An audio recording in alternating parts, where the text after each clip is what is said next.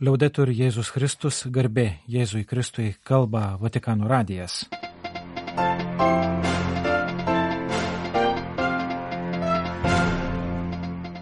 Malonus klausytojai šioje programoje. Evangelizacijos dikasterija siūlo pasirinkimo jubiliejui vadovą.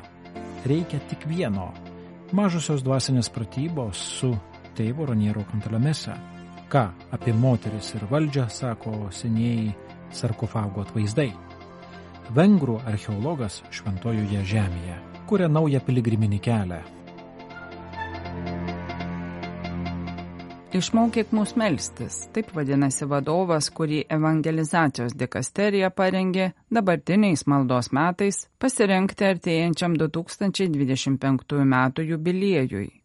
Kol kas dikasterijos svetainėje jis paskelbtas tik italų kalba, bet netrukus bus galima parsisiųsti internetu ir ispanų, portugalų, prancūzų, anglų, lenkų kalbomis. Šis vadovas tai dalis priemonių skirtų krikščionių bendruomenėms ir atskiriems tikintiesiems gerai pasitikti šventuosius jubiliejinius metus. Knygelė, kurios pavadinimas paimtas iš Luko Evangelijos 11 skyriaus, įkvėpta popiežiaus pranciškaus mokymu. Ji kviečia suintensyvinti maldą kaip asmeninį dialogą su Dievu, kad tikintysis galėtų apmastyti savo tikėjimą ir įsipareigojimą šio laikinėme pasaulyje, įvairiose sritise, kuriuose žmogus yra pašauktas gyventi ir atnaujintų šio laikinio žmogaus užsidegimą skelbti Evangeliją Joje taip pat pateikiami patarimai, kaip visapusiškiau dialoguoti su Dievu, esant santykėje su kitais. Malda kaip kompasas, kuris orientuoja. Įvadiniuose leidinio puslapiuose primenama, kad savo katechezėse popiežius nekarta nurodė, jog malda yra būdas užmėgsti ryšį su giliausia mūsų pačių tiesa, kuri yra paties Dievo šviesa, kaip mokė šventasis Augustinas. Taip pat pabrėžiamas pranciškaus padrasinimas ištvermingai melstis, nes nuolatinė malda perkeičia ne tik žmogų, bet ir jį supančią bendruomenę, net ir ten, kur blogis regis ima viršų. Tad tegu kiekvienam krikščioniui malda te būna kompasas, kuris orientuoja šviesa apšviečianti kelią ir stiprybę palaikanti piligriminėje kelionėje, vedančioje prie šventųjų durų, rašoma įvade kuriame malda įvardyjama kaip priemonė padedanti atvykti su širdimi, pasirengusią priimti malonės ir atleidimo dovanas, kurias suteiks jubiliejus. Tikintieji kviečiami pasinerti su malda į nuolatinį dialogą su kurėju, atrandant tylos džiaugsmą, atsižadėjimo ramybę ir užtarimo jėgą šventųjų bendrystėje. Pirmasis vadovo skyrius skirtas popiežiaus pranciškaus mokymui apie maldą, antrasis įvairiems maldos būdams, o tolesni skyriai skirti skirtingoms maldos formoms - maldai parapijos bendruomenėje, maldai šeimoje, jaunimo maldai, dvasinėms rekolekcijoms apie maldą, katechezei apie maldą, vienuolių maldai, maldai šventovėse ir tikinčiųjų maldai jubiliejiniais 2025 metais. Tėvas Raniero Kantalamesa antrame vaizdo įraše, tęsdamas vienos minutės gavėnios dvasinės pratybas Vatican News socialinių tinklų sekėjams, kalbėjo apie vienintelį gyvenimui būtiną dalyką. Jis paminėjo evangelisto šventojo Luko pasakojimą apie Jėzaus žodžius Martai. Popiežiaus namų pamokslininkas kapucinų vienolis tėvas Ranierio Kantalamesa visų pirma patikino, kad šie Jėzaus žodžiai yra itin didelės koncentracijos, jais galima pasidžiaugti ragaujant po lašą. Šios dienos lašas yra Jėzaus žodžiai Mortai, kuri buvo užsiemusi daugeliu dalykų. Morta, Morta, reikia tik vieno Tas žodis dabar skirtas kiekvienam iš mūsų. Reikia tik vieno dalyko. Jei turi šį vieną dalyką, turi viską, net jei neturi nieko kito. Jei jo neturi, nieko neturi, net jei visas pasaulis yra tavo. Kas yra tas vienintelis būtinas dalykas, noriu, kad jums pasakytų didysis XIX amžiaus filosofas ir tikintysis Sörinas Kierkegaardas, kad nebūtų manoma, jog mes, pamokslininkai, esame vieninteliai, kurie tuo tiki. Jis sako, daug kalbama apie iššvaistytus gyvenimus. Bet iššvaistytas yra tik gyvenimas to vyro ir galėčiau pridurti tos moters, kurie taip leido jam praeiti apgautiems gyvenimo džiaugsmų ir jo rūpeščių, kad niekada nesuvokė, jog yra Dievas ir kad jie patys stovi prieš Dievą. Kas yra vienintelis būtinas dalykas, pats Jėzus pasakė dviem palyginimais. Tai paslėptas lobis, dėl kurio viską verta parduoti.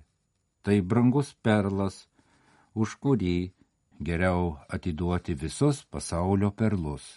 Vienintelis būtinas dalykas yra Dievo karalystė, tai yra pats Dievas, sako tėvas Raniero Kantalamesa. Vienuolinis gyvenimas, kokį jį pažįstame šiandien, tiek kontemplatyvus, tiek aktyvus, vystėsi 2000 metų.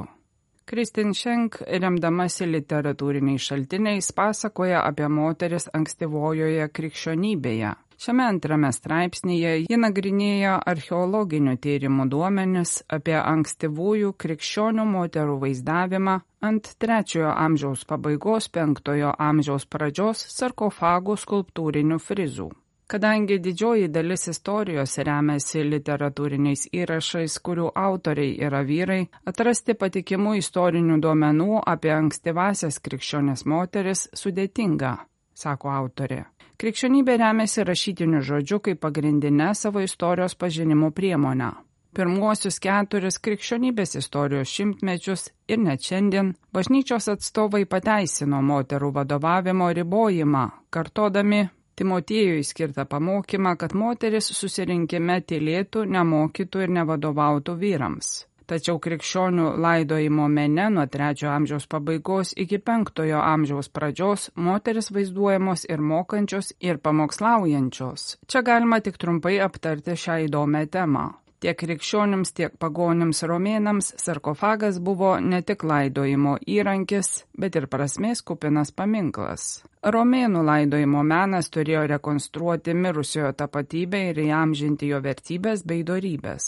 Tokį brangų kapą galėjo sauliaisti tik turtuoliai, o planavimas, kaip žmogus norėjo būti prisimintas, buvo svarbus procesas. Atvaizdas su rytiniu krepšeliu rytiniams ar knyga liudijo mirusiojo išsilavinimą, statusą ir turtingumą. Tiek krikščionės moteris, tiek vyrai buvo įamžinami ir idealizuojami kaip statusą, autoritetą, išsilavinimą, religinį atsidavimą turintys asmenys.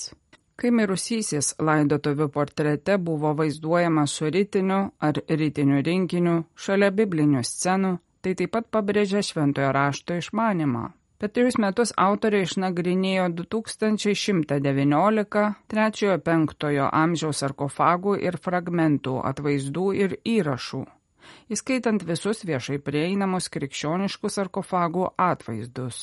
Išsami pasirinktų ikonografinių motyvų analizė parodė, kad daugelis ankstyvųjų krikščionių moterų buvo įamžintos kaip statusą, įtaką ir autoritetas savo bendruomenėse turinčios asmenybės, Labai reikšmingas atradimas yra tas, kad krikščionių moterų asmeninių laidojimo portretų yra tris kartus daugiau nei krikščionių vyrų. Tikimybė, kad tai atsitiktinumas yra mažesnė nei vienas atvejis iš tūkstančio. Daugelį sarkofagų reliefų mirusios moteris vaizduojamos biblinių scenų kontekste, gestikuliuodamos rankomis arba laiko rytinius knygas. Tai liūdė, kad ketvirtajame amžiuje moteris nepaisė patarimų tylėti. Tokių atvaizdų paplitimas rodo, kad atsirado nauja moters tapatybė - moteris išmananti Bibliją, autoritetinga mokytoja.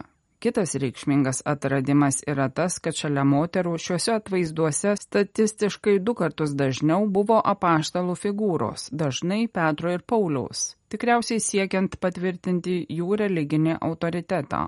Ankstyvųjų krikščionių sarkofagų ikonografija rodo, kad moteris krikščionės buvo išsilavinusios, pamaldžios ir turtingos. Sprendžiant iš pavienių moterų sarkofagų skaičiaus, kai kurios buvo vienišos moteris arba našlės. primenančios ankstyvasias našlių ir mergelių bendruomenės, aptartas pirmajame šio ciklo straipsnėje. Kadangi daugelis jų vaizduojamos su skaromis ir gestikuliuojančios Biblijos scenų fone, galima daryti prielaidą, kad jos gerai išmane šventai raštą ir norėjo būti vaizduojamos kaip tikinčios Dievo gale išgelbėti ir kaip Jėzaus gyvenimo bei išgydymo stebuklų mokytojos jų bendruomenės idealizavo jas kaip išsilavinusias asmenybės, turinčias įgaliojimus skelbti ir mokyti šventojo rašto. Tikėtina, kad vėlesnės Romos bažnyčios motinos, tokios kaip Marcelė, Paula, Melanija vyresnioji, žavėjosi šiais ankstyvaisiais moterų pavyzdžiais, kurie įkvėpė jas mylėti ir mokytis šventojo rašto. Literatūriniai šaltiniai apie jas atitinka archeologinius radinius ir patvirtina tai, ką šio laikiniai mokslininkai, tarp jų ir popiežius Benediktas XVI, teigia anksčiau. Moteris ankstyvojoje krikščionybėje turėjo daug didesnę įtaką nei visuotinai manoma ir pripažįstama. Nors literatūriniuose šaltiniuose vyrauja vyrai, archeologiniai laidojimo portretai liudyja, kad krikščionių moterų, prisimenamų kaip turinčių didelę bažnytinę valdžią savo bendruomenėse, buvo daugiausiai. Moteris, susibūrusios aplink šias bažnyčios motinas, tapo vienomis pirmųjų moterų religinių bendruomenių. Garsus vengrų archeologas Giodzo Vorušas į dienos šviesą iškėlęs rūmus, kuriuose galėjo būti nužudytas šventasis Jonas Krikštytojas, pasakoja apie sumanimą 2029-aisiais atidaryti naują piligriminį kelią, apie gyvenimą naujo ir krūvino konflikto draskomoje šventojoje žemėje, kalbėjo kitomis temomis. Interviu su savo žemiečiu paskelbė Vengrijos katalikų interneto svetainė Magiar Kurir. 2009 metais, pažymė archeologas Vorušas, jis persikėlė į Jordaniją su visa šeima tam, kad galėtų atsidėti vien kasinėjimams ir archeologiniams tyrimams. Prieš tai dešimt metų jis kasinėjo Egipte, o penkis Kipre. 2019 atvyko į Romą padirbėti popiežiškajame archeologijos institute, pakeisti aplinką. Tačiau dėl pandemijos vienerių metų stažuotė Romoje virto trimis metais. 2022-aisiais archeologas persikėlė į Jeruzalę, dėstyti Jeruzalės popiežiškajame Biblijos institute, taip pat dėl vaikų studijų Jeruzalės universitetuose. Bet praėjusiu metu rudenį šeimos gyvenimas vėl buvo sukrestas. Hamas įvykdė teroristinę ataką, Izraelis surengė atsakomąją karinę akciją. Tokiu įtemptu metu, kylant naujoms barikadoms, Šeimai iš kitos šalies gyventi Jeruzalėje nėra jauku, pripažino profesorius. Jis gali pasigirti retokų sandėriu - 20 metų trukmės kontraktų su Jordanijos karalystė, pasirašyto 2009-aisiais. Tai susitarimas dėl kasinėjimų ant Machero kalvos Jordanijoje šalia mirties jūros, kur buvo identifikuoti seni gruvėsiai. Vengrų archeologas įsitikinęs, kad čia ir stovėjo karaliaus Erodo Antipo rūmai, kuriuose buvo įvykdyta šventojo Jono Krikštitojo egzekucija. Kačių rūmų kiemas yra tas pats, kuriame šoko Salumėja, pareikalavusi, kaip atlygio, pranašo galvos. Vorušas ir jo bendražygiai iš žemės gelmių iškėlė tūkstančius fragmentų ir juos vėl sudėliojo, iš dalies atkurdami senasias struktūras, iškeldami marmuro kolonas. Per keliolika metų archeologas taip pat parengė keletą reikšmingų monografijų. Šis darbas sulaukė didelio pripažinimo, įskaitant 2022 Šventojo sosto apdovanojimą, kurį įteikė popiežiaus valstybės sekretorius kardinolas Pietro Parolinas. Tačiau buvusio erodo antipo rūmų iškilimas į dienos šviesą, nors istoriškai savaime labai vertingas darbas, yra dar kito sumanimo dalis - sukurti šventajam Jonui Krikštytojai skirtą piligriminį kelią ir jį atidaryti 2029-aisiais, kai anot tradicijos sukaks 2000 metų nuo didžiojo pranašo mirties. Šis kelias prasidėtų Betanijoje, kirstų Nebo kalną ir istorinį Madabos miestą, o baigtųsi ant minėtojo Machero kalno. Jordanijos karalystė jau parengė šio laikinio piligrimų miestelio su nakvynės namais ir kavinėmis projektą šalia šio kalno. Piligriminio kelio rengimas taip pat būtų paskaita užbaigti anksčiau pradėtus darbus. Dviejų bažnyčių - Lutyno ir Graiko Melkitų katalikų apieigų Betanijoje statyba. 2009 m. kelionės šventojoje žemėje metu jų kertinius akmenys pašventino Benediktas XVI. Šiame projekte pažymė archeologas dalyvauja Jordanijos ir Izraelio institucijos. Projektą paremė Šventasis Sostas – įvairios katalikiškos kultūrinės ir mokslinės institucijos Jeruzalėje, taip pat Vengrijos valstybė. Tačiau mintise daug kitų pasiūlymų. 2029 arba 2030 paskelbti Šventojo Jono Krikštitojo metais. Žinoma, tai turėtų padaryti popiežius. Be abejo, tai būtų ir labai tinkama proga pakviesti popiežių vėl aplankyti Jordaniją, apie tai jau kalbama. Beje, 2025 metais Vatikano muziejuse pridūrė vengrų archeologas rengiama paroda apie šventąjį Joną Krikštitoje. Nuo šių ateities sumanimų žvilgsnis nukrypo į dabartį šventojoje žemėje, kuri nėra šviesi, priešingai, labai tamsi. Anot vengrų archeologo jam su visa šeima teko svarstyti - išvykti iš Jeruzalės ar likti. Pasitikint apvaizdą, norint tęsti įsipareigojimus ir studijas, nuspręsta likti. Į tai, kas vyksta, jis žvelgia ne politiniu, o bibliniu ir krikščionišku žvilgsniu. Abraomo vaikai vėl žudo vienas kitą. Rachelė apverkia vaikus, kurių nebėra. Šis konfliktas toks ilgas ir sudėtingas, jog sunku įsivaizduoti, kad bus išspręstas kartą ir visam laikui. Jo šaknis gerokai gilesnės nei 20 amžius, kaip archeologas jis žino pažymi Vorušas, jog per 2000 metų taikos periodų čia nebūta daug. Dėl Jeruzalės visada buvo kovojama. Tai itin šventa vieta visoms trims monoteistinėms religijoms. Jeruzalė aprašoma kaip nuostabi ir mylima nuotaka, kurią suprantama nenorima dalyti su kitais. Šiuo požiūriu greito įtampų išnykimo nereikia tikėtis. Šventosios vietos tuščios, piligrimų ir turistų nėra. Jo asmeniniu atveju anot vengrų archeologo, tai turi ir teigiamų aspektų. Galima nueiti ten, kur seniau buvo sunku koją įkelti, kur gaudė nulatinis šurmulys ir melstis pusvalandį visiškoje tyloje. Tam tikrą prasme jis pamatė naują šventųjų vietų veidą, galėjo pajusti jų akinančią dvasinę šviesą. Kažką panašaus patyrė Romoje, kai miestas pandemijos metu buvo tuščias, o jis vienui vienas ilgai stovėjo stulbinančioje Siksto koplyčioje, prisiminė archeologas. Ir kaip Roma prisipildė piligrimų toj po to, kai baigėsi pandemija, taip ir šventoje žemė, kurią popiežius Paulius VI prieš 60 metų yra pavadinęs penktąją evangeliją, prisipildys maldininko, vos tik bus pranešta apie aktyvę karo veiksmų pabaigą. Šiandien tai gali atrodyti nerealistiška, tačiau kartais gerai, jog kenčiame nuo atminties tokos ne vien politikoje, bet ir kitose sritise, svarstu vengrų archeologas Giodzo Vorošas.